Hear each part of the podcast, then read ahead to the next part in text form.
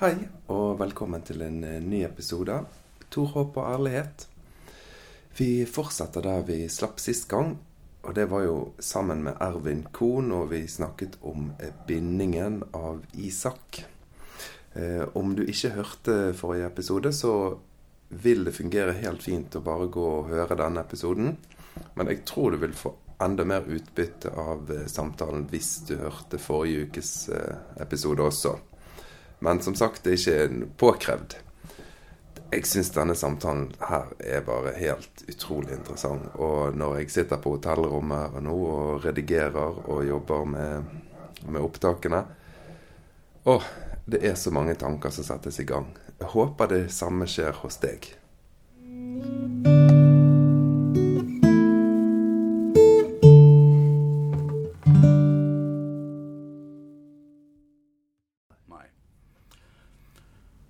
Så hva er det han blir satt på prøve på? Han blir satt på prøve om han er et selvstendig godt menneske. Et uh, tenkende menneske, og et menneske som, som er eh, rettferdig. Ja. Det er det han blir satt på prøve. Og den prøven består Abraham nettopp fordi at han ikke ofrer Isak. Hadde han ofret Isak, så hadde han strøket til eksamen. For han skulle bruke egen fornuft. Og da driver jo ikke vi og ofrer ungene våre. Unger og unger. Veldig mange forestiller seg Isak som en sånn liten gutt den gangen. Ja. Han var 33 år, da. Ja, jeg har lest at det i Ja. jødisk tradisjon er 33. Ja. Ja. Det har jeg lest. Men uh, i vår tradisjon så er han 10-12, tror jeg. Nei. Nei? Nei. Han, nei. Altså, den tradisjonen kan ikke være så veldig annerledes, for den baserer seg på de samme skriftkildene. Så, så han var nok en voksen mann, ja. Ja. Men Jeg er sikkert bare påvirket av barnebibler og tegninger. Riktig. For der er det en gutt som han der er en gutt, ja, ikke sant? Ja. Mm. ja. Så han eh, besto prøven. Mm. Men så ble han sur på Gud, da. Ja. Etter det så snakker de ikke sammen. Nei, for det er jo en annen ting som jeg har tenkt over. over at i, I de første bøkene her så er jo Gud veldig til stede. Ja.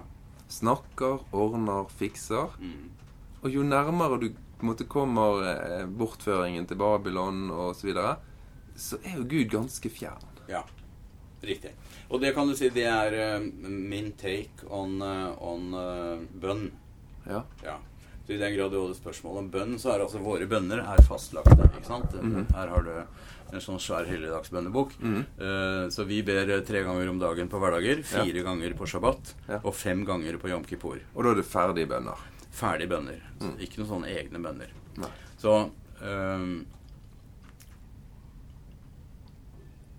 Tror vi at Gud intervenerer? Mm. Hvis du f.eks. hopper ut i fallskjerm, og så løser ikke fallskjermen seg ut, så ber du naturlig til Gud. Den tror jeg en, Det, eh, et det har i hvert fall jeg gjort, ja. Ja, Mm. ja. Men tror vi at han vil Ok, han vil åpne fallskjermen siden det er deg. Mm. Nei. Nei. nei. Han intervenerer ikke. Nei. Nei. Han sluttet med det på profetenes tid, tror jeg. Jeg har noen med meg, ikke mange, men jeg har noen med meg på det. Så vi rasjonalistene vi tror ikke at Gud intervenerer. Vi tror ikke at han Selv om han er eh, Vi tror at han er allestedsnærværende Ja. og øh, øh, omnipotent. Mm. Altså Så tror vi ikke at våre skjebner er fastlagt. Altså vi tror, jeg tror ikke på skjebnen. Nei. Jeg sier jeg, jeg føler at jeg tar, tar Ja, nei, ikke altså- alle som representant for det jeg mener. Det kan jo ikke jeg heller som kristen nei. si at det er sånn tenker vi. Ja. Det går ikke. Nei. Men, men øh, Så derfor er de fleste av våre bønner, er lovprisninger av Herren og takksigelsesbønner. Mm. Og så er meningen med våre gudstjenester det er selvrefleksjon. Ja. Ja. Ja, for, for hele den tanken om at Gud sitter et annet sted, og så kan komme ned her sånn av og til, Ja. men som regel ikke gjør det, Ja. det er jo en fryktelig tanke. ja. Så det som, øh, som øh, skjer på godt og vondt, Ja. det skjer på godt og vondt. øh, dels på grunn av, av oss mennesker med vår frie vilje, Ja. og dels på grunn av tilfeldigheter. Ja. Så, og det beste beviset jeg har for dette, det er holocaust. ja. åh. Det var menneskeskapt og ikke gudskapt. Nei. Ja.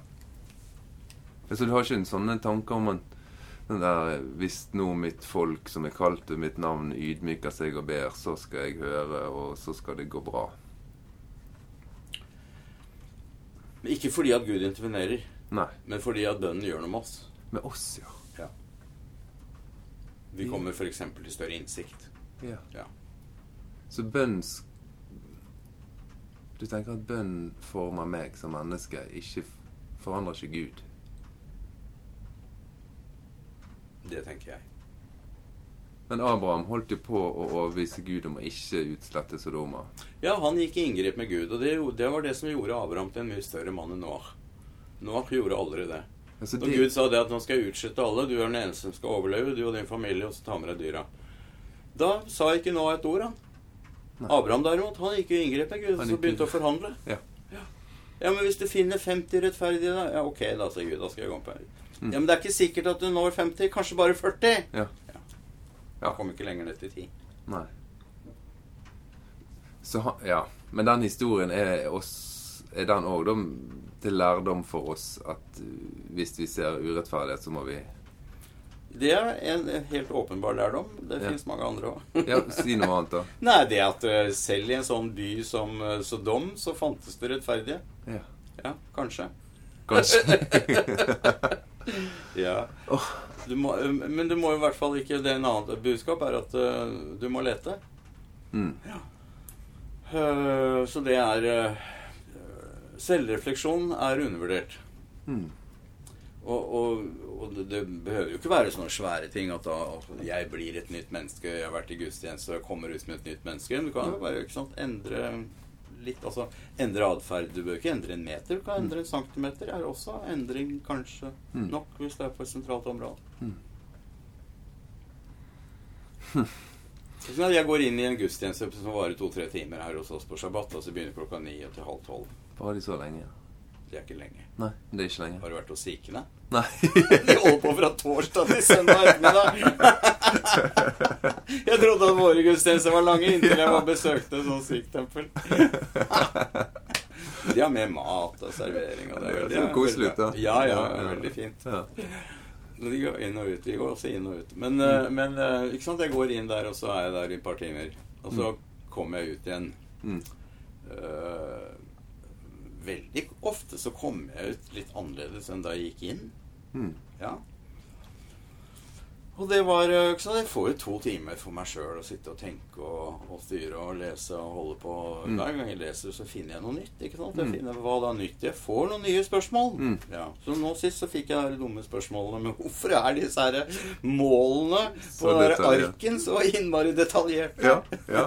Kom du frem til noe, eller? Det er ikke, Nei, nei, nei, det er ikke interessant. Det er ikke interessant. det, Hørte du den historien med han rabbineren som klabba til en av sine studenter? Og og en av de dyktige studentene som lurte på hvorfor slår du meg, rabbi? Nei, for du var i ferd med å bytte bort et godt spørsmål mot et svar. Mot et svar. altså Disse her rabbinerhistoriene De skjønner jeg ganske mange av. Og det er litt, Ja. litt om å gjøre å være litt crazy. Ja. Nei, men det er et poeng. Ja. Poenget er, er, veldig bra. Ikke sant? Spørsmålene du, du som har vært i salg i, i så mange år, Mm. det er ditt viktigste verktøy i salg. Ikke Ja. sant? Altså, du kan ikke, hvordan skal være kundeorientert? Um, jo, jeg må jo da tilfredsstille de behovene kunden har, eller liksom eh, ønskene og, og sånn. Men hvordan får jeg tak i dem da? Jo, du må spørre. Men uten spørsmål. Du får ikke åpnet en, en, altså, en samtale uten å stille spørsmål. Det er to stykker som skal kommunisere. Mm. Jo, du kommer ikke i gang uten et spørsmål. Nei. Nei. Så det er spørsmålet som får ting til å skje. Du eksempel, du ønsker å vise omsorg. Mm. Hvordan gjør du det? Du stiller spørsmål. Ja. Så uten spørsmål, ikke noe Det skjer ingenting. Nei. Og refleksjon. Hvordan skal du begynne å reflektere over ting? Jo, du må jo da stille deg selv noen spørsmål. Mm.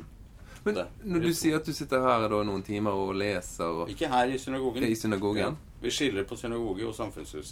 Nå er vi i samfunnshuset. Nå er vi i samfunnshuset. Ja. Men jeg får lov å se synagogen etterpå. Ja, ja, ja. Kan jeg ta et bilde òg? Ja, ja, ja. For jeg må legge ut på Facebook-siden for gjengen her. Eh, Klart. Men eh, er det Bibelen du da leser? Da leser jeg Bibelen. Men i, under gudstjenesten så leser vi bønneboken vår. Mm. Ja. Og så øhm, leser vi Bibelen hver sabbat og to, tre ukedager. Mm.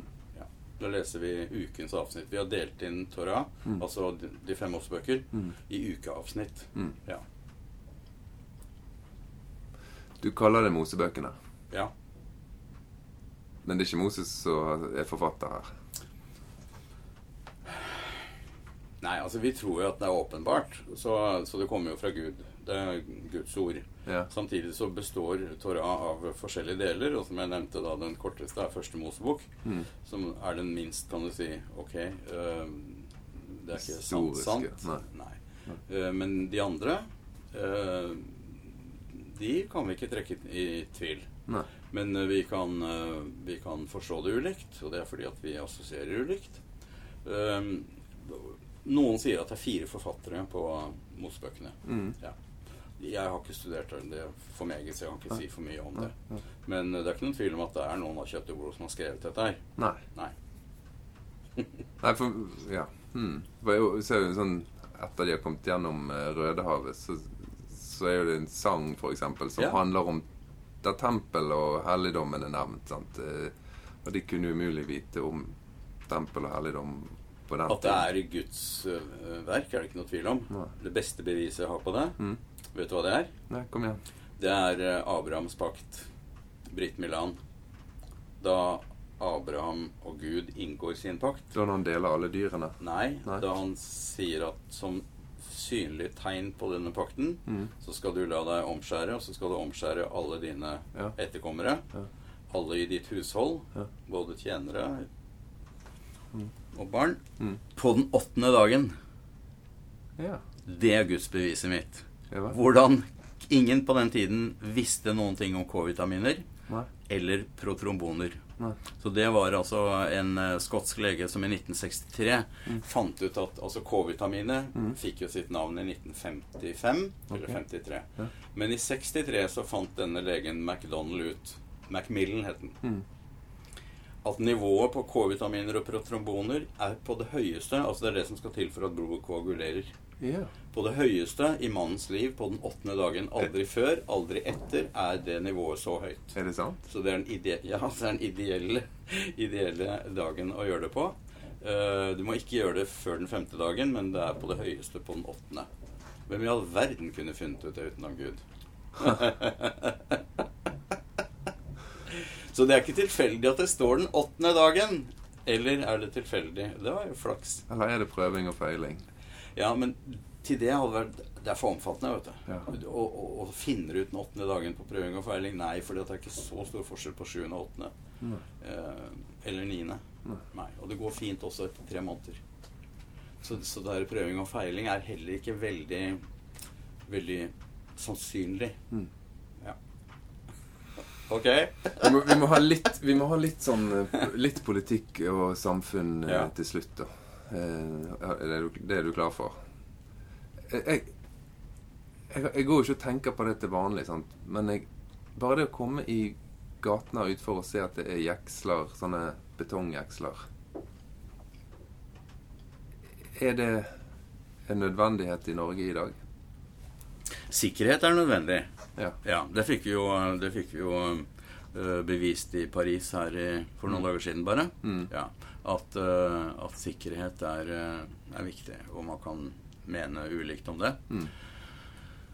Uh, nå, at det er de der betongklossene Grisene kalles det gjerne, som betonggriser utenfor. Det er fordi at Oslo kommune er litt treige med å, å få gjennomført en sånn uh, utvikling av den veien, Mm. som allerede er besluttet uh, på mange, mange plan, Mm. om å forskjønne Bergstien slik at det ikke ser ut som et fort. Ja. Ja. Men, øh, men at øh, det jødiske samfunn øh, har behov for ytre sikkerhet, er beklagelig, men sånn er det. Det var ikke sånn da jeg vokste opp her. Jeg bodde jo her da jeg var fem år gammel.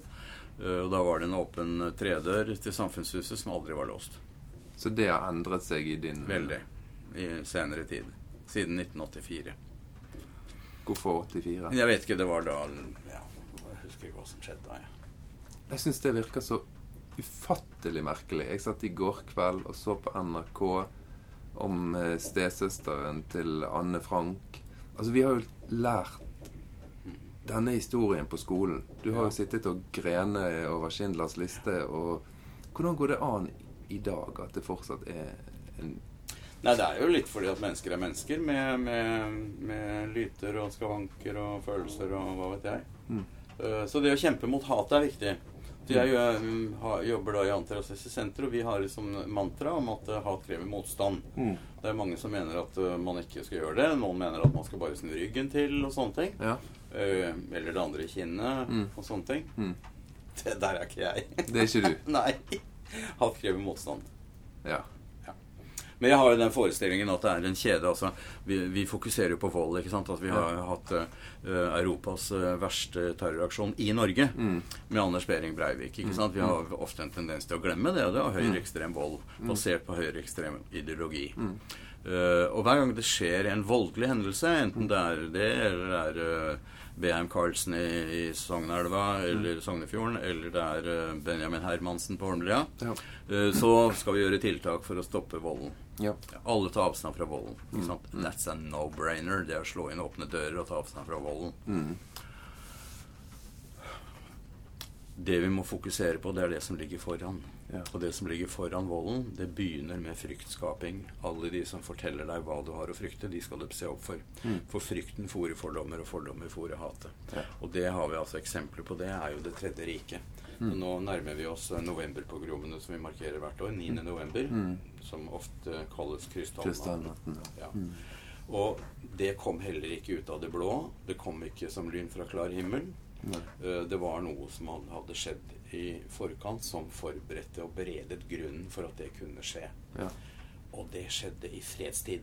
Ja. Det hadde ikke noe med holocaust å gjøre. Det var ikke krig i Europa. Det var i 38. Det var fred i Europa på den tiden. Og likevel så kunne det skje. Ja. Og det som skjedde foran da, det var eh, Julius Streicher. Julius Streicher, det var han som etablerte Et øyeblikk. Avbryte. Sende en melding om at dette kan.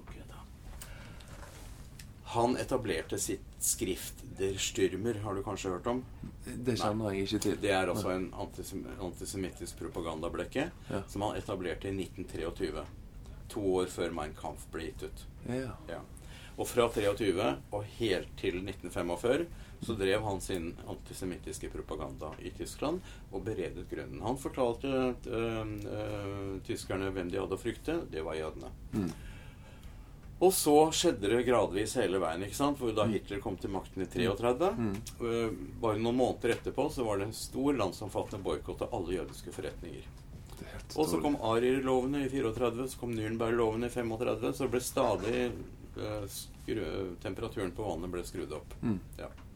Så det er det som skjer før volden. Mm. Det er frykten Frykt. fòrer fordommer, fordommer fòrer hat. Mm. Og når først hatet har satt seg, Mm. da er eh, volden der. Mm. eh, og det behøver vi ikke overraskes over. Og vi har det i dag. Vi har Sian som lager sine demonstrasjoner.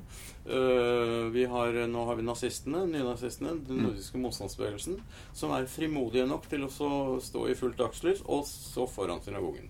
Ja, for de har stått foran synagogen nokså nylig. de. Ja, på Jom Kippur. Ja. Ja. Det er jo Det er helt forferdelig. Det er helt forferdelig. Ja. Det er en skam for det norske samfunn. Men de fikk lov å heise hakekorsflagg òg. I uh, Kristiansand Mm. i 2018. Mm. Og så ble de frikjent i lagmannsretten. Det er helt utrolig begri- begripelig. Men det, men det er en, en annen sak. Så det må vi kjempe imot. Ja. Ja. Men, men som Hvis jeg hadde spurt de som går her i synagogen Kjenner folk på dette til daglig i dagliglivet sitt som jøde i Norge? På antisemittismen? Ja. Det er et veldig bra spørsmål. Uh, og det gir meg anledning til også å fortelle om en spennende dikotomi. Dikotomi. Ja, motsetning. Motsetning. Ja. Mhm. Ofte så er de falske. Falske dikotomier. Mhm. Falske motsetninger. Mhm. Men her er det en interessant eh, motsetning Mm. mellom funnene i eh, HL-senterets seneste undersøkelse i 2017, som viser at det generelle nivået på antisemittisme har gått ned Mm. siden uh, 2012, altså på fem år, mm. så har uh, antisemittismen i Norge mm. uh, gått ned fra ca. 12 prosentpoeng til 8, Mhm. med 4 prosentpoeng. Mhm. Og så eh, stiller man i samme undersøkelsen spørsmål til den eh, jødiske gruppen Mm. eh, av respondenter, Mm. og de svarer at de opplever at antisemittismen på fem år har gått opp. Ja. Over 70% av respondentene svarer det. Det er en, en Ja. dikotomi. Ja. Hvordan kan det skje? Ja. Og da er mitt svar på det Mm. uh, Min analyse Jødene må oppleve noe som ikke samsvarer med de tallene. Så de må oppleve at antisemittismen har gått opp. Hva er det som gjør at de opplever det? Ja. Det er at det norske samfunnet, og da sier jeg samfunnet, har vanskelig for å se antisemittisme. Eller å gjenkjenne den når de ser den. Eller dersom de gjenkjenner den, så bagatelliserer de den. Ja. Ja. Og eksempler på det er legio. Altså eksempler på det f.eks. Jødesvin-sketsjen til Satiriks på NRK i fjor sommer. Ja. Husker du den? Den ble jo depublisert relativt fort. Ja. Relativt fort. Det tok noen dager. Mm. Alle beklaget. Ingen erkjente at det var antisemittisk. De klarte ikke å erkjenne at det var antisemittisk. Eh, Selv om jeg var der oppe og holdt en halvtimes foredrag eh, for hele Satirisk-redaksjonen, inklusiv Charles Halvorsen, klarte ikke å si at jeg var antisemittisk. PFU klarte det heller ikke. Nei. Nei. Finn Graffs tegninger i Dagbladet. Han har fire stykker som er helt eklatant antisemittiske. Frikjennes av PFU hver gang. Hvorfor er det sånn? Ja, hvorfor er det sånn? Og lagmannsrettsdommen i Agder nå, som du viste til, Ja, hvor, hvor de tre ble frikjent. Ja. Hakekorsflagget. Jeg personlig syns helt- det virker Ja. helt crazy. Men det er kunnskapsløst. Når de sier at du kan trekke ut antisemittismen fra naziideologien, Ja. så er det kunnskapsløst. Da Ja. vet du ikke hvor sentral antisemittismen var i naziideologien, eller er. Ah. At hakekorsflagget da ikke er rettet mot noen spesiell gruppe, det var lagmannsretten. Var det det de sa? Var det det som var begrunnelsen? Ja. Da blir du provosert. ja, da blir det provosert. Mm. Så det at uh, antisemittisme ikke blir gjenkjent eller bagatellisert, Mm. det er nok det som uh, er en, en tendens som, som jøder syns er ubehagelig. Det, det som er eh, fascinerende, det vet ikke om du kjenner til engang, men innenfor en deler av sånne her eh, karismatiske kristne sammenhenger, så er det også en sånn dyrking av den jøde, jødiske folket, men på en sånn måte av at dere skal våkne opp og forstå frelsen etter hvert. Eh, og, og en voldsom støtte på en måte til, eh, til land og landløfter eh, og folkeslag. Men samtidig så leser jo vi og snakker om ganske karikerte personligheter når vi leser om fariseere og de skriftlærde fra den jødiske kulturen. Ja, jeg vet. Jeg vet. Ja, for da virker dere sånn rett og slett litt enkle. Bare Eh, opptatt av noen rare Ja. forhold om at det er viktigere å holde fred på sabbaten enn å bli frisk, f.eks. Ja, det er helt feil. Da, da, har, du, da har man lest feil. Mm. Ja, lest og forstått feil. Mm. Så det er varianter av det. Mm. Det er ikke noe som altså Du kan bryte alle helligdagsregler for å redde liv. Mm. Ja. Så jeg har akkurat gitt et intervju Han hulker Hulkren i Aftenposten. Han skrev om, eh, om disse ortodokse eller ultraortodokse jødene som Mm. ikke holder eh, eh, s- smittevernsreglene. Ja. Ja, I Neberak og Jerusalem og New York. Ja. Og min, mitt svar til Hultgren var at det er ikke noe som er mer ujødisk enn det. Så Nei. det er en religiøs forpliktelse å ta avstand fra de greiene. Mm. Eller fra de tullingene. Ja. For de setter liv og helse, andres liv og helse på spill, og det fins ikke noe som er mer ujødisk enn det. Nei. Fariseerne, det, var, eh, det var de snille gutta i vår bok, og det var de slemme gutta i din bok. Ja, Ja. Det var de som førte jødedommen videre. det var det. Ja. Fariseerne var bare én av flere jødiske grupper Mm. uh, på den tiden. Ja. Så det var uh, den gang, og er i dag, normativ jødedom. Jeg vil jo tro, dette vet jeg ikke, men jeg har tenkt når jeg har lest at disse tekstene, disse evangeliene, må jo ha blitt til i en situasjon der den kristne religionen følte seg som en minoritet. Den kristne religionen fantes ikke. Nei, så, Den ble jo ikke til før på 300, på år 300. nei det kan du si. 325. Ja, nei, det har du for så vidt rett i. Ja. Ja. Det var en jødisk sekt. ja. Ja. Men de har følt seg som en minoritet. Og så husk på, det, For å snakke om oldkirken, altså for å bli kristen, så måtte Mm. du først konvertere til jødedommen. Ja, Ikke sant? Du måtte jo la deg omskjære. det stemmer. Ja. Det var Nei, de måtte ikke la oss om. De måtte ikke la første 50 årene. Jo, jo, jo. Første 50 årene så måtte du la deg omskjære. Ja, det, det, Hvis du var mann. Ja, ja, det, ja, hvis du var mann. Ja, for det blir jo veldig sterke diskusjoner, ser det sånn ut i, i, når du leser de første Senere så fant man ut at det, det er ikke så lett å få folk til å bli med i gruppa vår hvis du skal ha dem til å så Så da dropper vi den omskjæringa. Det er jo smart taktisk. Altså, Ja. Salgsmessig mye lettere jobb. Ja, for, ja, for jeg kunne Altså, det å blitt med her hvis jeg måtte omskjære, det tror jeg hadde sittet litt inne. Ja, altså. ikke sant? Ja. Mm. Så det er jo Nei da, det var jo først altså først på øh, øh, konsilet i Nikea Nikea 325. Mm. 325 Mm. at øh, man fant ut at nei, nå må vi finne på vår egen øh, øh, hviledag. Vi kan ikke holde på med den sabbaten. Søndag! Ok. søndag. Ja. Og den der Pesach-feiringen, det er innmari slitsomt. Å spise Mats i åtte dager og bli dårlig i magen. Altså. Vi må finne vår egen påske, påskefeiring. Ja. Og så har vi Shavuot, altså den jødiske pinsen. Den har jo egentlig ikke så veldig mye innhold. Altså det derre Åh, Det der greiene der, og så er all den melkematen, ikke sant. Ostekakene blir dårlig i magen av all ost. Vi må finne på noe eget. Ah! Ruach HaKodesh. Hellig ånd. Pinse. ja, nå forenkler jo du sånn som vi har gjort med fariseerne. Ikke sant? Så jeg mener det at, eh, at man fant ut at vi må ha våre egne helligdager, skjønner jo det veldig godt. Mm. Ja. Men at de er lagt på de jødiske, tidsmessig og innholdsmessig Men det vil jo være umulig å bygge den kristne religionen uten å si at det er en jødisk religion. sant? Det er helt. Det er jo Vi driver jo med veldig, men så, eh, så har jo da dette i løpet av et par tusen år utviklet seg. Og er en selvstendig og egen religion. Ja. Ja.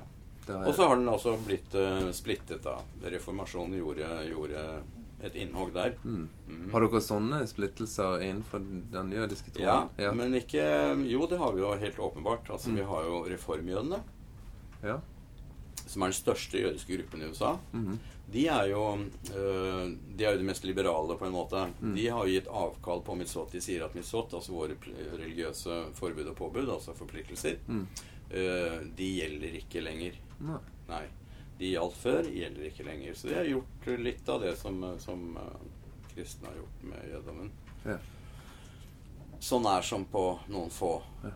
Så nær som på Brit Mila. Full oppslutning om Brit Mila. Det er okay. Ja, det er veldig merkelig. For det er en ganske tøff forpliktelse. Altså Ja. Du skal omskjære gutta dine. Ja, den holder de fast på. Helt.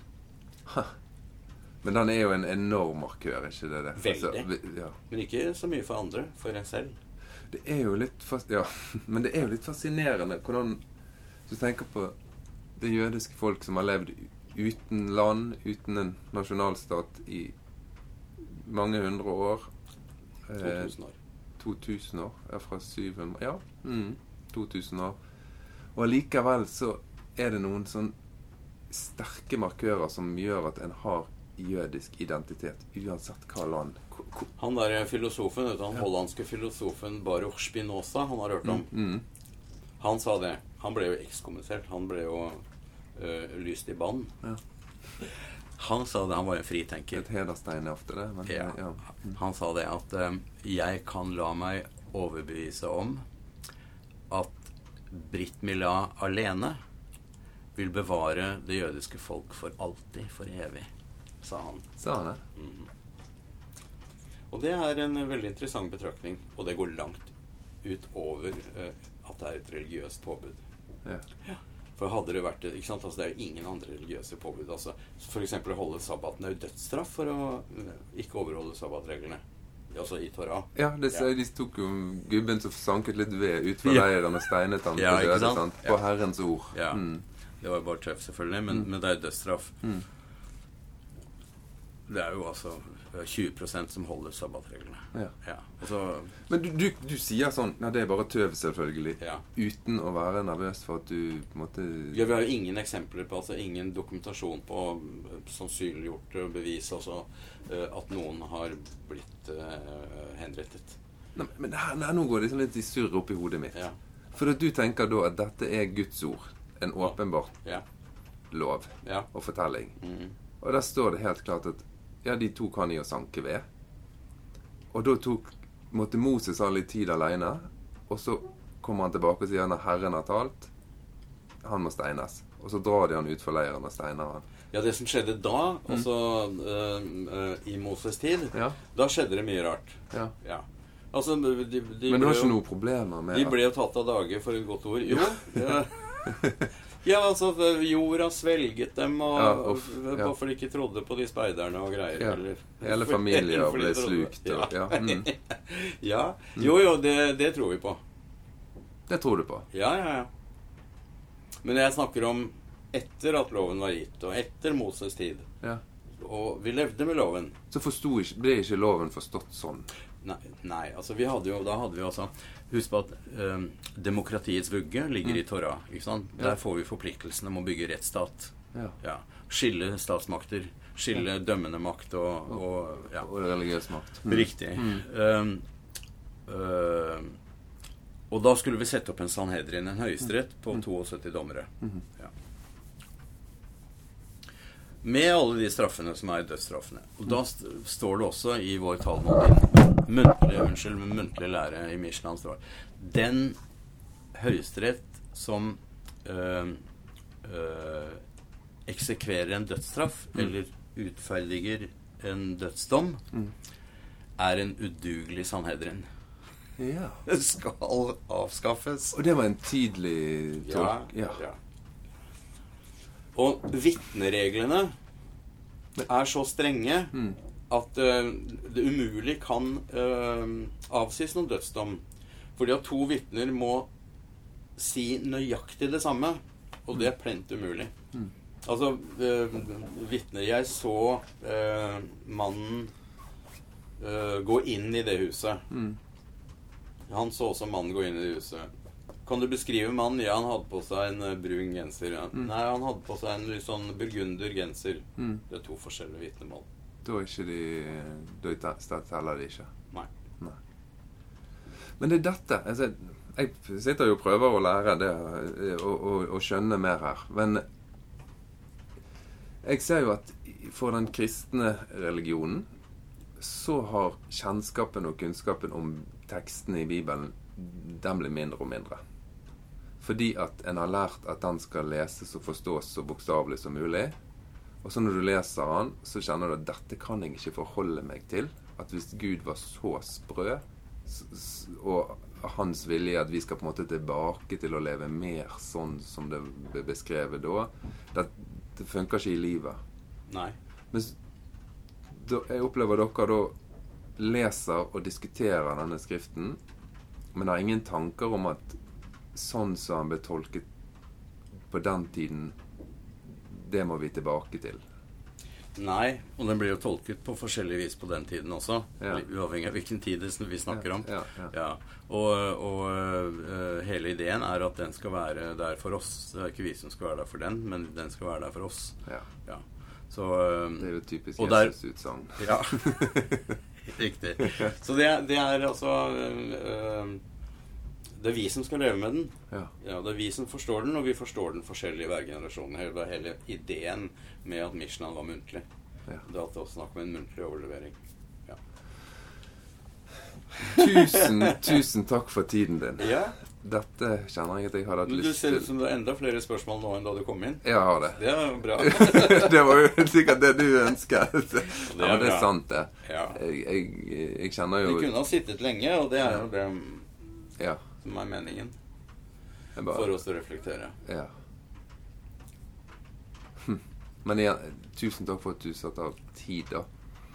Eh, Jeg håper du vil bla litt i starten, den boken jeg har Det klart det. eh, lagt der.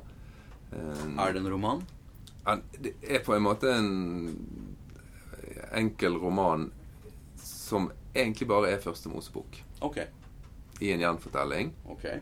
Sett på med litt moralske øyne fra 2020. Ja. Eh, Den begynte som et helt annet prosjekt. Ja. Mange, mange år siden. Jeg hadde lyst til at barna mine skulle bli mer kjent med Ja. de gamle tekstene. ja. Og så begynte jeg å skrive ut ifra et veldig sånn standardisert kristent perspektiv for å gi mening til disse tekstene og få de til å henge sammen. Mm. Men så, sånn, sånn opplevde jeg det. Sånn kan ikke jeg lese denne teksten. Det gir ingen mening. Men det er jo ett spørsmål som du ikke har stilt. Ja. Ja. Og det er øh, kanskje noe av det som, som øh, mange sliter veldig med. Ja. Og det er øh, at du budet om at du ikke skal ligge med en mann som du ligger med en kvinne. ja. Er du ikke interessert i Jo, det har jeg jobbet igjennom, så det har vi, det har vi hatt på, på podkast før. Har du? ja. Så hva har liksom kommet frem? Fortell. Nei, der har jeg Nei, nå vil jeg heller Det er bedre at du forteller din variant, enn at jeg sitter her og forteller deg hva vi har snakket om der. Det problematiske er jo øh, at vi har Vi har jo homofile ortodokse homofile jøder. Det regner jeg med. Ja. Og de har jo veldig problemer, ikke sant? Og øh, problemer med sine menigheter, og menighetene har problemer med hvor de skal forholde seg til dette. Mm. Og så kommer man til spørsmålet hva mente han egentlig? Mm. Og det syns jeg er et viktig spørsmål. Hva mente han egentlig? Mm. Ja. Og da må vi tolke det ut ifra øh, hva han mente egentlig om ting. Mm. For eksempel så mener jo da vi at han mente Herren at Mm. seksualiteten, det er Guds gave til menneskene. Mm. Og du vet at vi har jo ikke noe sånn angstbitersk forhold til seksualitet i jødisk tradisjon. Nei. Seksualiteten er en gave til mennesker gjennom hele deres livsløp. Mm. Det er satt noen begrensninger naturligvis på moralsk eh, atferd. Mm. Sånn som eh, alle incestreglene vi har, og, og sånn. Mm. Og øh, Og den du skal ha samleie med, er din kone, og bla, bla, bla. Mm. Men det er ikke sånn noe som, som stopper med fertilitet. Altså, så seksualiteten er en gave langt forbi fertilitetsalder. Ja. Og da er Vi mener jo heller ikke at det å bli øh, øh, født med funksjonshemninger er noen Guds straff. Det er jo noen som mener det også, men det mener jo ikke vi. Altså normativ jødedom mener Mm. ikke. Nei. Øh, skal seksualiteten ikke gjelde dem, f.eks.? Nei, selvfølgelig ikke. Guds gave til menneskene gjelder også de funksjonshemmede. Mm. Ehm, så hvem snakker han om da? Andre mennesker som er født annerledes. Altså de som er født homofile. For det første så snakker ikke Torah om homofile i det hele tatt. Han snakker om bare om atferden. Ja. Ah, for å komme gjøre en lang historie kort. Mm. Han snakker ikke om homofile. Han snakker om heterofile. Ja. Ja. Så det budet om at du skal ikke ligge med en mann som du ligger med en kvinne, gjelder heterofile menn. ja. Ikke homofile menn. Og det gir dem helt fullstendig mening i forhold til Paulus sine ord òg. Når du gjør noe som er unaturlig. Det gjør, hvis du er en homofil mann og er sammen med en mann, så er ikke det noe unaturlig. Nei. Dette har vi behandlet tidligere på podkasten. Ok. Du er god, ass. Hvem snakket du med da? Da snakket jeg med meg sjøl. Minst mulig motstand. Ok. Ja, det er bra. Nei, vi har vært gjennom Sodoma-fortellingen òg. Ok. Ja da. Så vi har um, Vi har jobbet med mye i denne her. Ja. To håp og ærlighet. Ja, det er bra. ja. Tusen takk for at du tok Det var en glede. Ja. Det Jeg glede. håper jeg har lov å spørre deg igjen seinere. Ja, ja, ja. Selvfølgelig. Tusen takk. Og så fikk jeg en eh, god omvisning i eh, synagogen. Og jeg fikk se på Tora-ruller som er skrevet med fjærpenn. Det var, og det var en fascinerende dag. Jeg hadde bare ikke lyst til å gå. Jeg eh, drøye tiden så lenge som mulig sammen med Ervin. For en mann, og for et folk, og for en historie.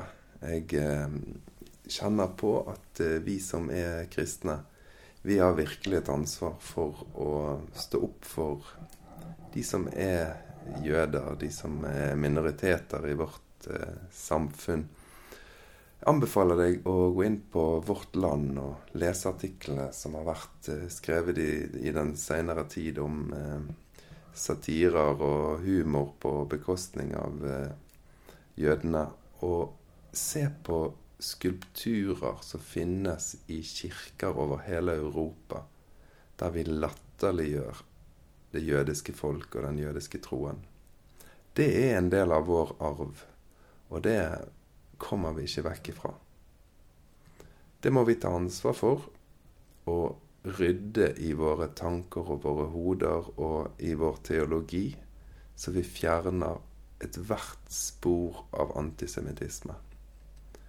Vi må huske det at eh, våre evangelier, bøkene som vår tro er bygget på, de ble skrevet i en polemikk, i en debatt og en diskusjonssituasjon der vi som er kristne, var en liten jødisk sekt, en skikkelig minoritet. Og da hadde vi behov for å fremstille de skriftlærde og jødene som dumme og vanskelige og vrange.